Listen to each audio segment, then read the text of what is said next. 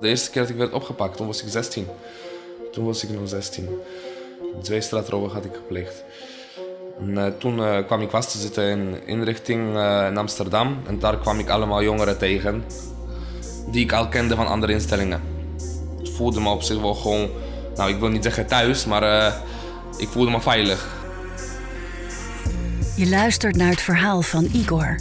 Een Poolse jongen uit Amsterdam die terecht kwam in de wereld van de criminaliteit, het snelle geld en de ondermijning.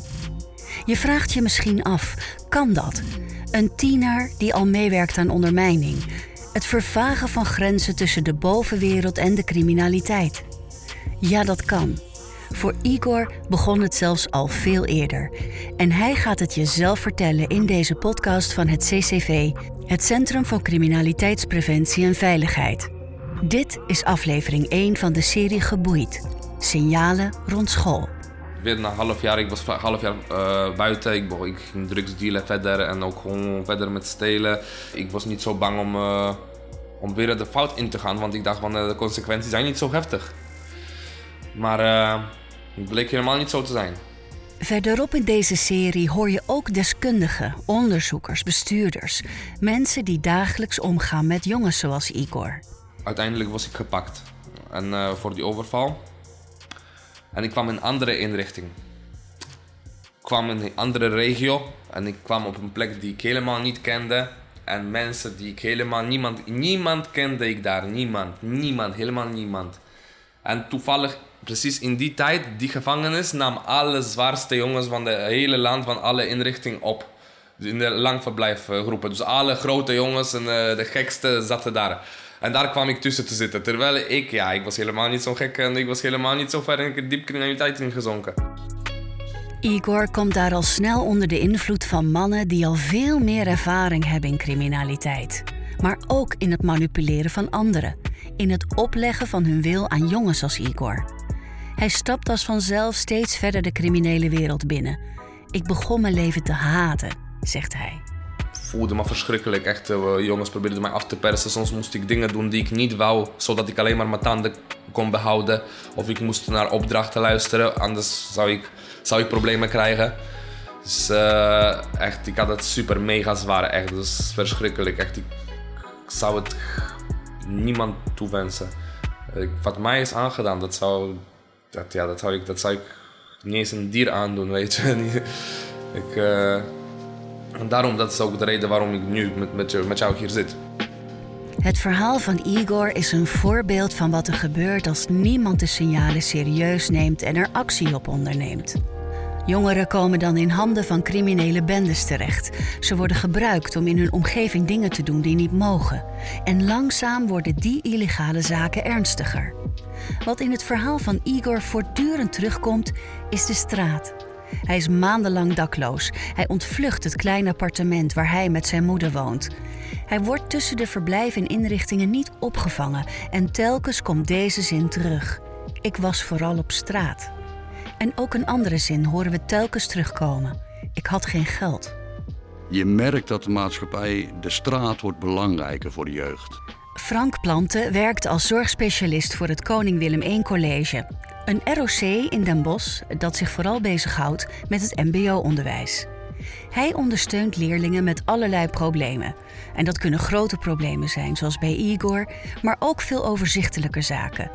Ook hij ziet de twee woorden terugkomen: het geld en de straat. Dus de individualistische maatschappij eh, die daaraan meewerkt, social media die daaraan meewerken. Maar het, de status van de jongeren is heel belangrijk geworden. En geld verdienen is heel belangrijk geworden. Frank Planten merkte dat veel jongeren een onmogelijke droom najagen. Snel veel geld verdienen en dan rijk zijn. In de gewone wereld is dat best moeilijk en biedt weinig perspectief om snel geld te verdienen. Maar in de onderwereld is die eh, verleiding, die verlokking van het snelle geld wel aanwezig. Maar vooral ook de status die je ermee kan verdienen. Ik durf iets wat een ander niet durft. En ik word gezien door de sterke persoon in de wijk. Die waardeert mij wel, die erkent mij wel en dat geeft mij status. Het najagen van die onmogelijke droom en de veranderende mentaliteit bij leerlingen komt Frank Planten op school maar al te vaak tegen. Degene die hier ook bewust voor kiezen, de jongeren, zeg maar, die keuze maken, die hebben weer jongeren nodig die ze ronselen om voor hun weer klusjes te doen. En dat zijn de jongeren die vaak één keer een foute keuze maken. Om te denken van, ja, maar dat is nu wel heel fijn, want ik heb nu die schuld en dan ben ik er vanaf. En ze beseffen niet dat ze dan voor langere tijd in het netwerk komen te zitten van de onderwereld. Hoe groot is dit probleem dan in Nederland? Hoe vaak krijgen jongeren te maken met criminele bendes die ze proberen te recruteren? Vaak begint het al op scholen, maar niet alleen daar.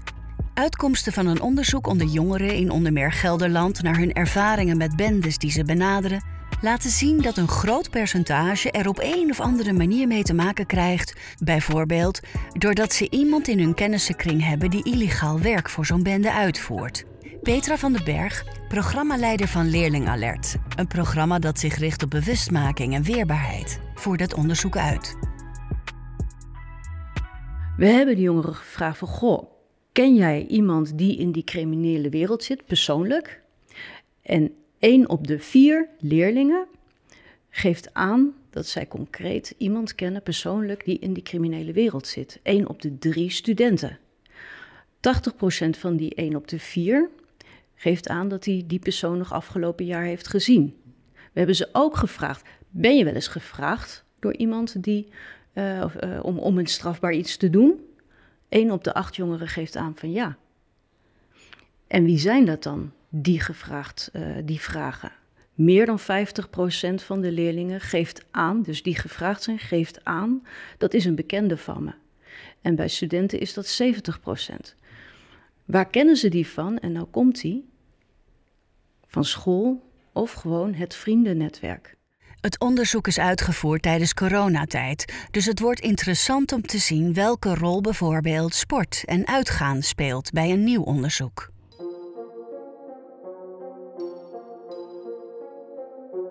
Terug naar het verhaal van Igor. Tijdens een gesprek over de straf die hij uitzit vanwege overvallen, komt er sprake dat justitie hem jeugd-TBS wil geven. Maar Igor wil de leiding van de inrichting uit alle macht ervan overtuigen dat hij daar weg moet. Weg bij die zware jongens die de inrichtingen waar hij zit binnenstromen. Ik zei ook gewoon, ik hoor hier niet te zijn. Eh, wat er allemaal gebeurt, weet je, dat jongens mij onder druk zetten en allemaal dingen. En uiteindelijk hebben ze gezegd van, is goed, je mag gewoon voorwaardelijk vrijkomen na die tien maanden. Ik was zo blij. Maar ik, een van de voorwaarden was, ik moest naar een kliniek. En die kliniek ging failliet. Dus ik mocht meteen vrijkomen. En twee maanden later was ik 18 geworden. 18 jaar oud staat Igor buiten op straat. Hij heeft nog wel contact met een jeugdreclasseerder die hem kan helpen, die naar zijn verhaal kan luisteren. Maar op straat gaat het met Igor niet zo goed. Hij komt opnieuw in de criminaliteit terecht. Ik voelde al overal in mijn lichaam van dit gaat fout. Nog een paar maanden of weet ik het allemaal en ik ga, ik ga gewoon jaren de bak naar binnen. Ik was al bezig, maar ik wist dat het gewoon eerder of later dat het fout zou gaan. En ik dacht van, oké, weet je wat, ik kan me trots opzij zetten en ik ga om hulp vragen. Dus ik bel die vrouw. Ik was net 18 geworden, dus ik wist niet eens dat mijn toezicht afgelopen, verlopen was. Dus uh, wat zegt die vrouw tegen mij? Je bent oud en volwassen genoeg om juiste keuzes te maken. Maar al binnen korte tijd gaat het opnieuw de verkeerde kant op met Igor. Hij wordt opnieuw opgepakt, wordt berecht en ditmaal krijgt hij een veel zwaardere straf. En toen was mijn detentie van vier jaar en drie maanden begonnen. Ik zat toen tien maanden, eh, ik kreeg tien maanden plus die jeugd-TBS. En die vrouw, die vrouw voelde zich ook schuldig. Die voelde, die voelde zich zo schuldig. Die kwam nog daarna bij mij op bezoek en zo. Want ik vroeg haar echt om hulp. Wat moet ik zeggen? Dus, uh, dit gaat gewoon voorkomen kunnen worden. Grote fout. En hele... Maar uiteindelijk echte hulp heb ik gekregen wanneer ik in mijn jeugd-TBS was beland. Toen kreeg ik de behandelingen die ik nodig had. Igor kreeg te horen dat hij oud genoeg was om zelf keuzes te maken. Zorgspecialist Frank Planten vindt dat docenten, ouders en andere volwassenen zich moeten realiseren dat jongeren, en in het bijzonder die met een puur brein, nou eenmaal niet goed de gevolgen kunnen inschatten van hun handelen. Dus een jongere vragen om de langere termijn uh, consequenties ervan te erkennen of te zien, is eigenlijk een on ondoenlijke taak. Dat is voor ons om ze daarvoor te waken. Dus voor ouders, voor docenten, voor coaches van sportclubs. Om steeds met de jongeren mee te denken, als je dit doet, wat is dan het gevolg? Voor de kortere termijn, maar ook voor de langere termijn. Want zij kunnen dat zelf niet. Dat is ook een oorzaak dat zij vrij snel de beslissing nemen, nu komt het goed uit. Nu leen ik mijn pinpas wel even uit. Nu neem ik dat telefoonabonnement wel even op mijn naam, want ik wil nu dat snelle geld hebben. Wanneer jongeren eenmaal over de grens gelokt zijn en iets hebben gedaan wat niet mag, dan begint het ronselen pas echt. Zo wordt er ingespeeld op het schuldgevoel. Wat je nu allemaal gedaan hebt, daar kun je maar beter je mond over houden. Ze zorgen ervoor dat jij dus gemanipuleerd wordt. Jij doet iets wat niet mag. Een jongere denkt ook: oeh, ik ben geen slachtoffer, ik ben een dader. Ik heb iets gedaan wat niet mag. Dus die kan er eigenlijk in zijn eigen beleving, als je 13, 14, 15, maar ook als je 17, 18 bent, niet met iemand naartoe. Want je hebt iets gedaan wat niet mag. Dus je gaat niet naar je ouders, je gaat niet naar de docent. Ze zien zichzelf als dader en niet als slachtoffer. En heel vaak zijn ze wel gewoon slachtoffer geworden van iemand die manipuleert. Hiske Kromdijk is directeur van de Thorbecke Scholengemeenschap in Zwolle. Een gewone school zonder voorgeschiedenis met criminaliteit. Juist om dat zo te kunnen houden, heeft de school beleid gemaakt. Wat moet de school doen als een kind in handen dreigt te vallen van een criminele bende? Het begint volgens Hiske al met het vroeg signaleren dat er iets met een leerling niet helemaal goed gaat. Ook al zijn het dan misschien nog maar kleine dingen. Spijbelen, te laat komen, betrokken zijn bij kleine akkefietjes, gedoetjes met andere leerlingen. Soms zijn het van die hele kleine elementen die maken dat je een gedragsverandering uh, ziet en waardoor een leerling al wel meer in beeld komt. Nou, en daar begint wat mij betreft wel het signaleren van hé, hey, we zien ander gedrag dan uh, passend bij deze, bij deze leerling of de situatie. En daar heb je als school wel een taak in om daar ouders bij te betrekken. Belangrijk is volgens Hiske om als school te proberen om zoveel mogelijk informatie op een rij te krijgen over zo'n leerling. Vaak komt dat ter sprake binnen het docententeam of binnen de klas, bij een leerlingbespreking. Een mentor brengt dat in kaart. Een mentor bespreekt dat met afdelingsleider, teamleider. En afhankelijk van wat er op dat moment nodig is, uh, wordt er altijd met de leerling zelf gesproken. En bij ons op school ook standaard met de ouder. Dus een ouder wordt eigenlijk uh, op de dag of de dag daarna, maar zo snel mogelijk wel betrokken. Uh, op het moment dat de school zich zorgen maakt, worden zorgen gedeeld, gekeken of zorgen worden herkend. Nou, soms worden die zeker herkend en hoor je als school nog veel meer informatie. Nou, kun je snel gezamenlijk optrekken. En soms ook niet. Is het voor ouders helemaal nieuw en hebben we te maken met een leerling die dus buiten, buiten huis ander gedrag vertoont dan thuis. En hebben we samen ook wat te doen. En dan breng je het samen in, afhankelijk van waar we het over hebben. Soms zit er al een extra ondersteuning omheen, of al, al, wel bekend bij verschillende zorgen of, of hulpverleningsinstanties, soms ook niet. Maar zo ga je het samen in kaart brengen.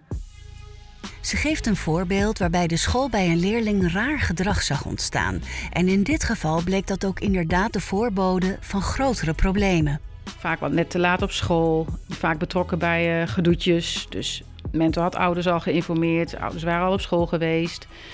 Uh, ouders herkenden het ook wel, vonden het moeilijk om kind naar school te krijgen. Na schooltijd vaak buiten. Uit het zicht van ouders hadden ook het gevoel van ja, we weten ook niet zo goed hoe we ons kind uh, hier verder op op moeten sturen. Blij dat school eigenlijk belde. Dan lijkt je het grip een beetje kwijt te raken, in dit geval op, op leerling. Nou, dan is het zaak om rust, reinheid, regelmaat. Dat helpt dan toch wel. Korte lijnen met ouders. Zijn leerling nog niet op school, ook gelijk naar huis bellen. Zorgen dat hij in beeld blijft. En op een gegeven moment wat duurdere kleding. Ook dat signaal werd besproken met de ouders. Waar kan dat geld voor dure kleren, dure schoenen vandaan komen? De ouders van deze leerling zeiden: We zien helemaal geen dure kleren en vroegen: Wanneer draagt hij dat dan? Schoenen werden blijkbaar hier in de kluis bewaard, dus die werden hier op school aangedaan. Dus ouders wisten ook niet dat dat soort spullen gekocht waren. Nou, en dan gaat het wel, uh, wel snel rollen. Nou, op dat moment hebben wij uh, ook een keer een kluiscontrole gedaan. Toen een, een, behoorlijke dosis vapes gevonden en bleek die jongen in vapes te handelen. Nou, dat is wel een voorbeeld en dat, dat, dat begint vrij klein. Maar met dat je de, deze situatie in kaart brengt, zit daar, daar zit eigenlijk dan een wereld achter. Want die jongen is natuurlijk ook al langer onderdeel van een bepaalde vriendengroep buiten school. Uh, meegetrokken in geld, makkelijk geld verdienen. En, uh, en, en ik, dit is een voorbeeld, maar ik denk wel exemplarisch voor uh, heel veel verschillende situaties. Weer terug naar het verhaal van Igor. Hij kijkt in de jeugd-TBS voor het eerst terug op het leven wat hij tot dan toe geleid heeft. En hij ziet het moment waarop het met hem misging, als kind, toen hij nog met zijn ouders in Polen woonde. Het is het moment waarop niemand in zijn omgeving ingrijpt, terwijl er allerlei signalen zijn. Niemand trekt aan de bel. Mijn vader ging weg toen ik bijna 12 was. Ik was een voorbeeldige jongen eigenlijk. Ja, ik werd een beetje gepest en voor de rest. Maar uh, ja, ik had eigenlijk ik had goede cijfers. Ik ging naar gymnasium daarna ook. Maar de slaagde ik niet omdat mijn ouders toen precies gingen scheiden. En ik was in puberteit precies. Mijn vader was vertrokken. We moesten met mijn moeder waren we in nette buurt. We moesten snel verhuizen naar een ghetto. Uh, een 16 vierkante meter appartement moesten we met z'n tweeën een kat gaan wonen. En ik schaamde me dood en ik, wou niet, ik ging niet meer naar school. Ik deed eigenlijk gewoon zo goed als bijna niks. En ik dacht bij mezelf van, dit kan je niet menen. Dit is niet echt. Hoe kon mij dit overkomen? Niet normaal. Mijn leven draaide zich 180 graden om. Dus ik begon te drinken, sigaretten roken, oudere jongens opzoeken en zo. Het loopt nu echt helemaal mis. Igor drinkt zichzelf bijna dood. Hij is 14 jaar oud en kan ter nauwernood gereanimeerd worden. Een rechter in Polen geeft hem de keuze.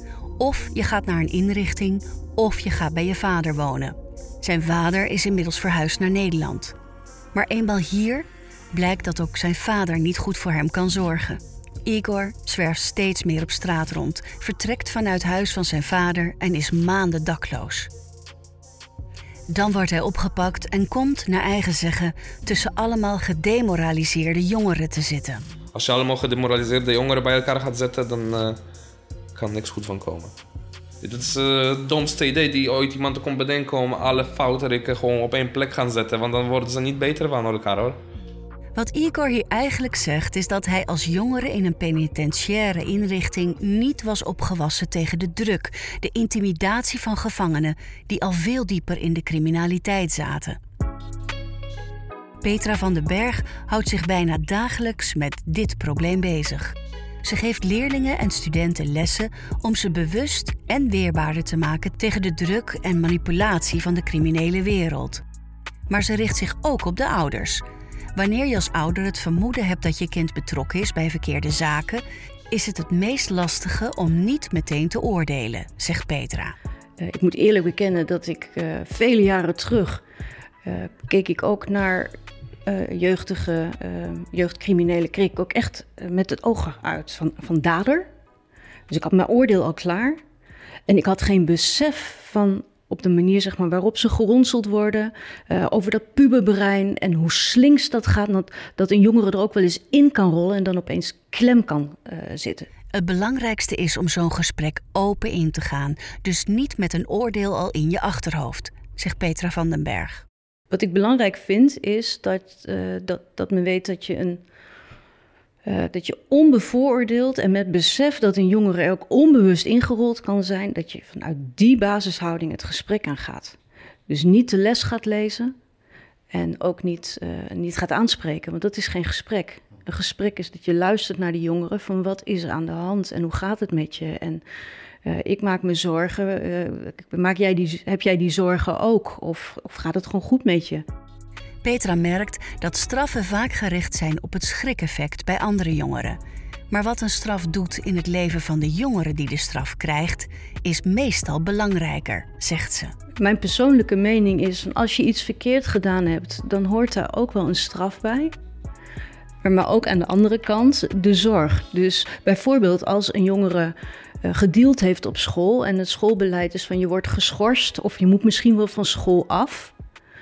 Dan alsjeblieft wel met de zachte hand dat die jongere ergens een frisse start kan maken. Uh, want het gaat wel om de toekomst van die jongeren. Hiske Kromdijk van de Toorbekke Scholengemeenschap in Zwolle ziet veel situaties bij leerlingen die aan het begin nog niet zo'n groot probleem lijken. Maar volgens haar moeten ouderen zich realiseren dat er veel achter zoiets tevoorschijn kan komen. Vooral omdat de jongeren zelf de situatie en de consequenties vaak totaal niet kunnen overzien. Die hebben nog helemaal geen uh, gevoel of zicht op oorzaak-gevolg. eh, en overzien die gevolgen helemaal niet. Dus uh, daar moet je ze ook voor, beschermen. Ik denk, en door tijdig in te grijpen. En ook voor, hè, dan met alle gevolgen van dien. Want zo'n jongere zit ergens waar hij blijkbaar wel graag bij wil horen of bij zit. Of zich gezien voelt. Of nou ja, noem maar op. Vaak hè, zit hij wel andere problematiek achter. maar geen idee waar dat toe leidt. En voor je het weet zit je wel in een circuit waar je waarvan je nooit had bedacht dat je daarin zou, in zou zitten. Ja. Zorgspecialist Frank Planten ziet dat de scholen vaak veel signalen binnenkrijgen dat er iets met een leerling verkeerd gaat.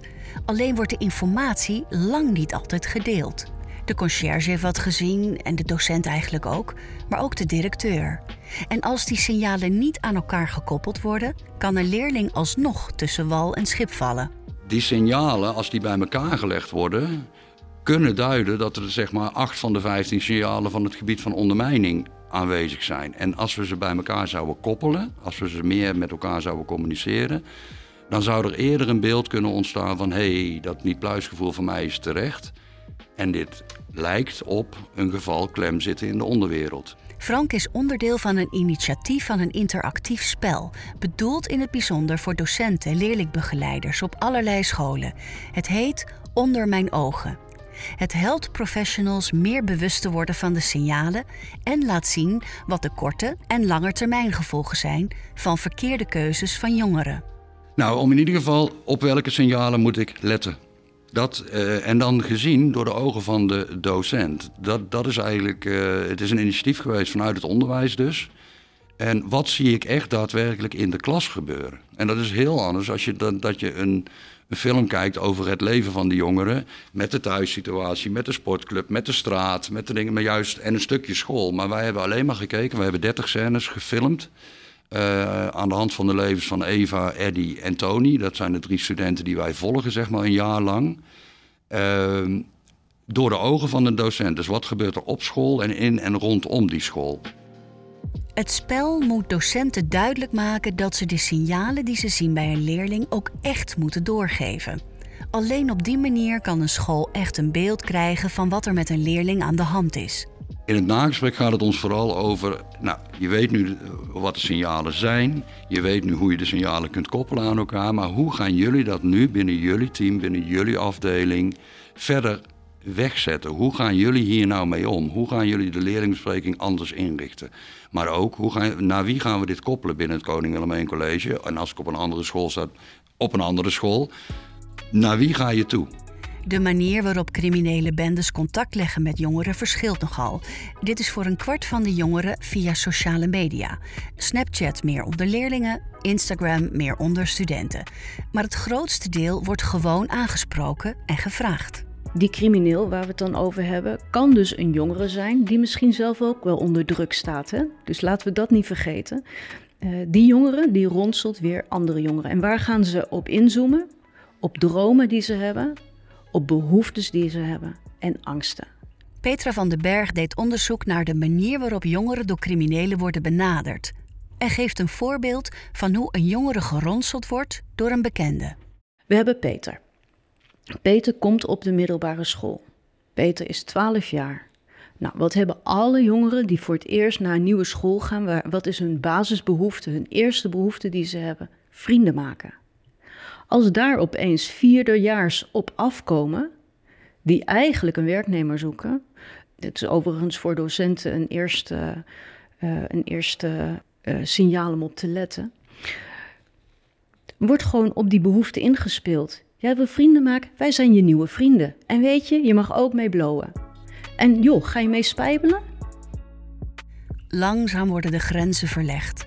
Peter ziet de gevolgen dan nog niet meteen en denkt dat hij nog elk moment nee kan zeggen. Die jongen die ziet alleen maar die vriendschap.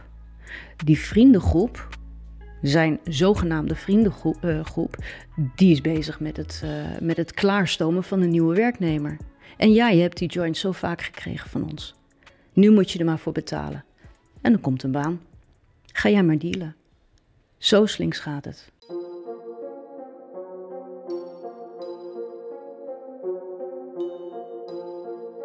We gaan nog één keer terug naar het verhaal van Igor. Als hij nu terugkijkt op zijn puberteit, waarin het van kwaad tot erger ging, ziet hij de signalen die toen over het hoofd zijn gezien. Soms waren dat grote signalen, maar er waren ook andere, kleinere signalen. Vooral altijd drugsgebruik. Daar begint het mee. Drugs, alcohol. Dat is altijd een slecht, uh, slechte signaal die, uh, die opvalt. Want dat is, dan beginnen ze zichzelf kwijt te raken, zijn ze niet, niet helemaal zichzelf. En ook gewoon bijvoorbeeld armoede, is ook een uh, hele grote patroon.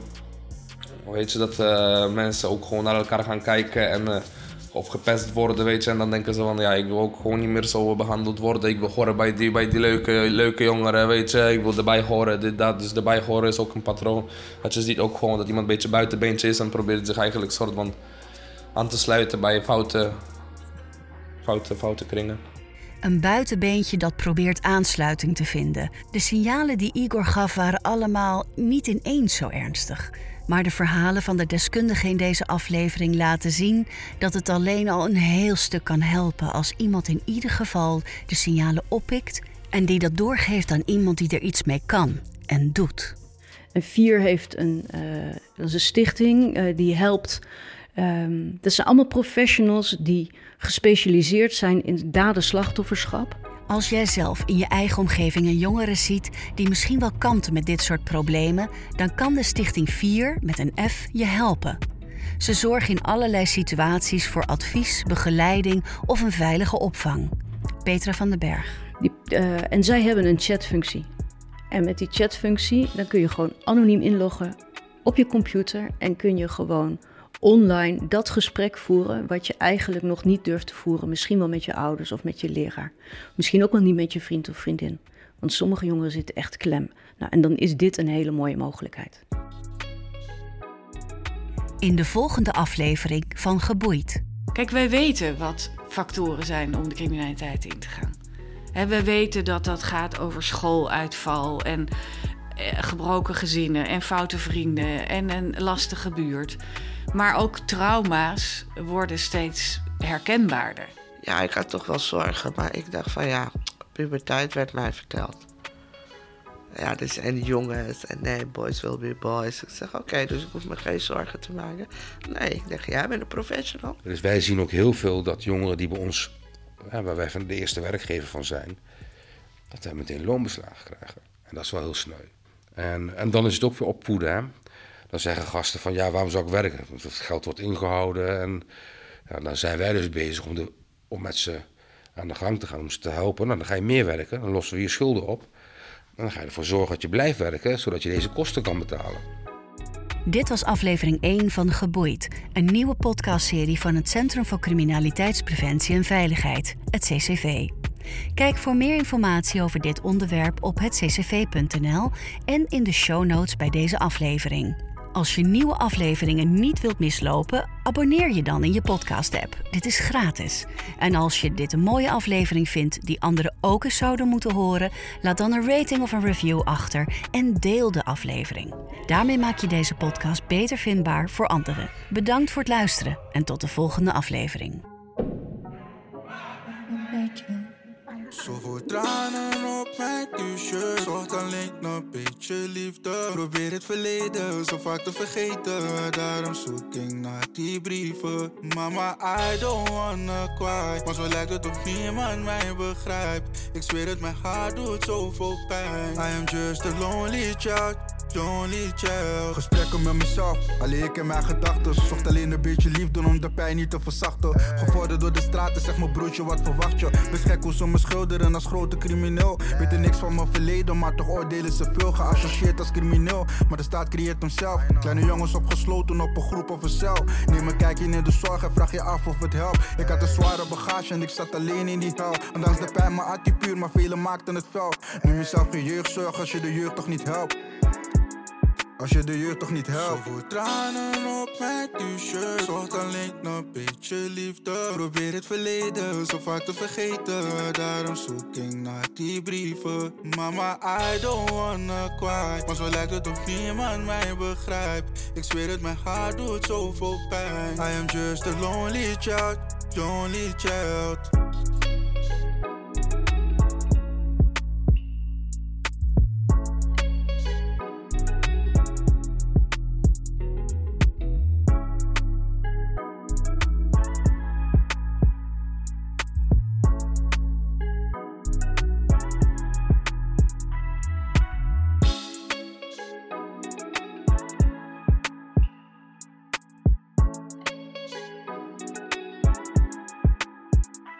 Zoveel tranen op mijn t-shirt. Zocht alleen een beetje liefde. Probeer het verleden zo vaak te vergeten. Daarom zoek ik naar die brieven. Mama, I don't wanna cry. Maar zo lijkt het of niemand mij begrijpt. Ik zweer het, mijn hart doet zoveel pijn. I am just a lonely child, lonely child.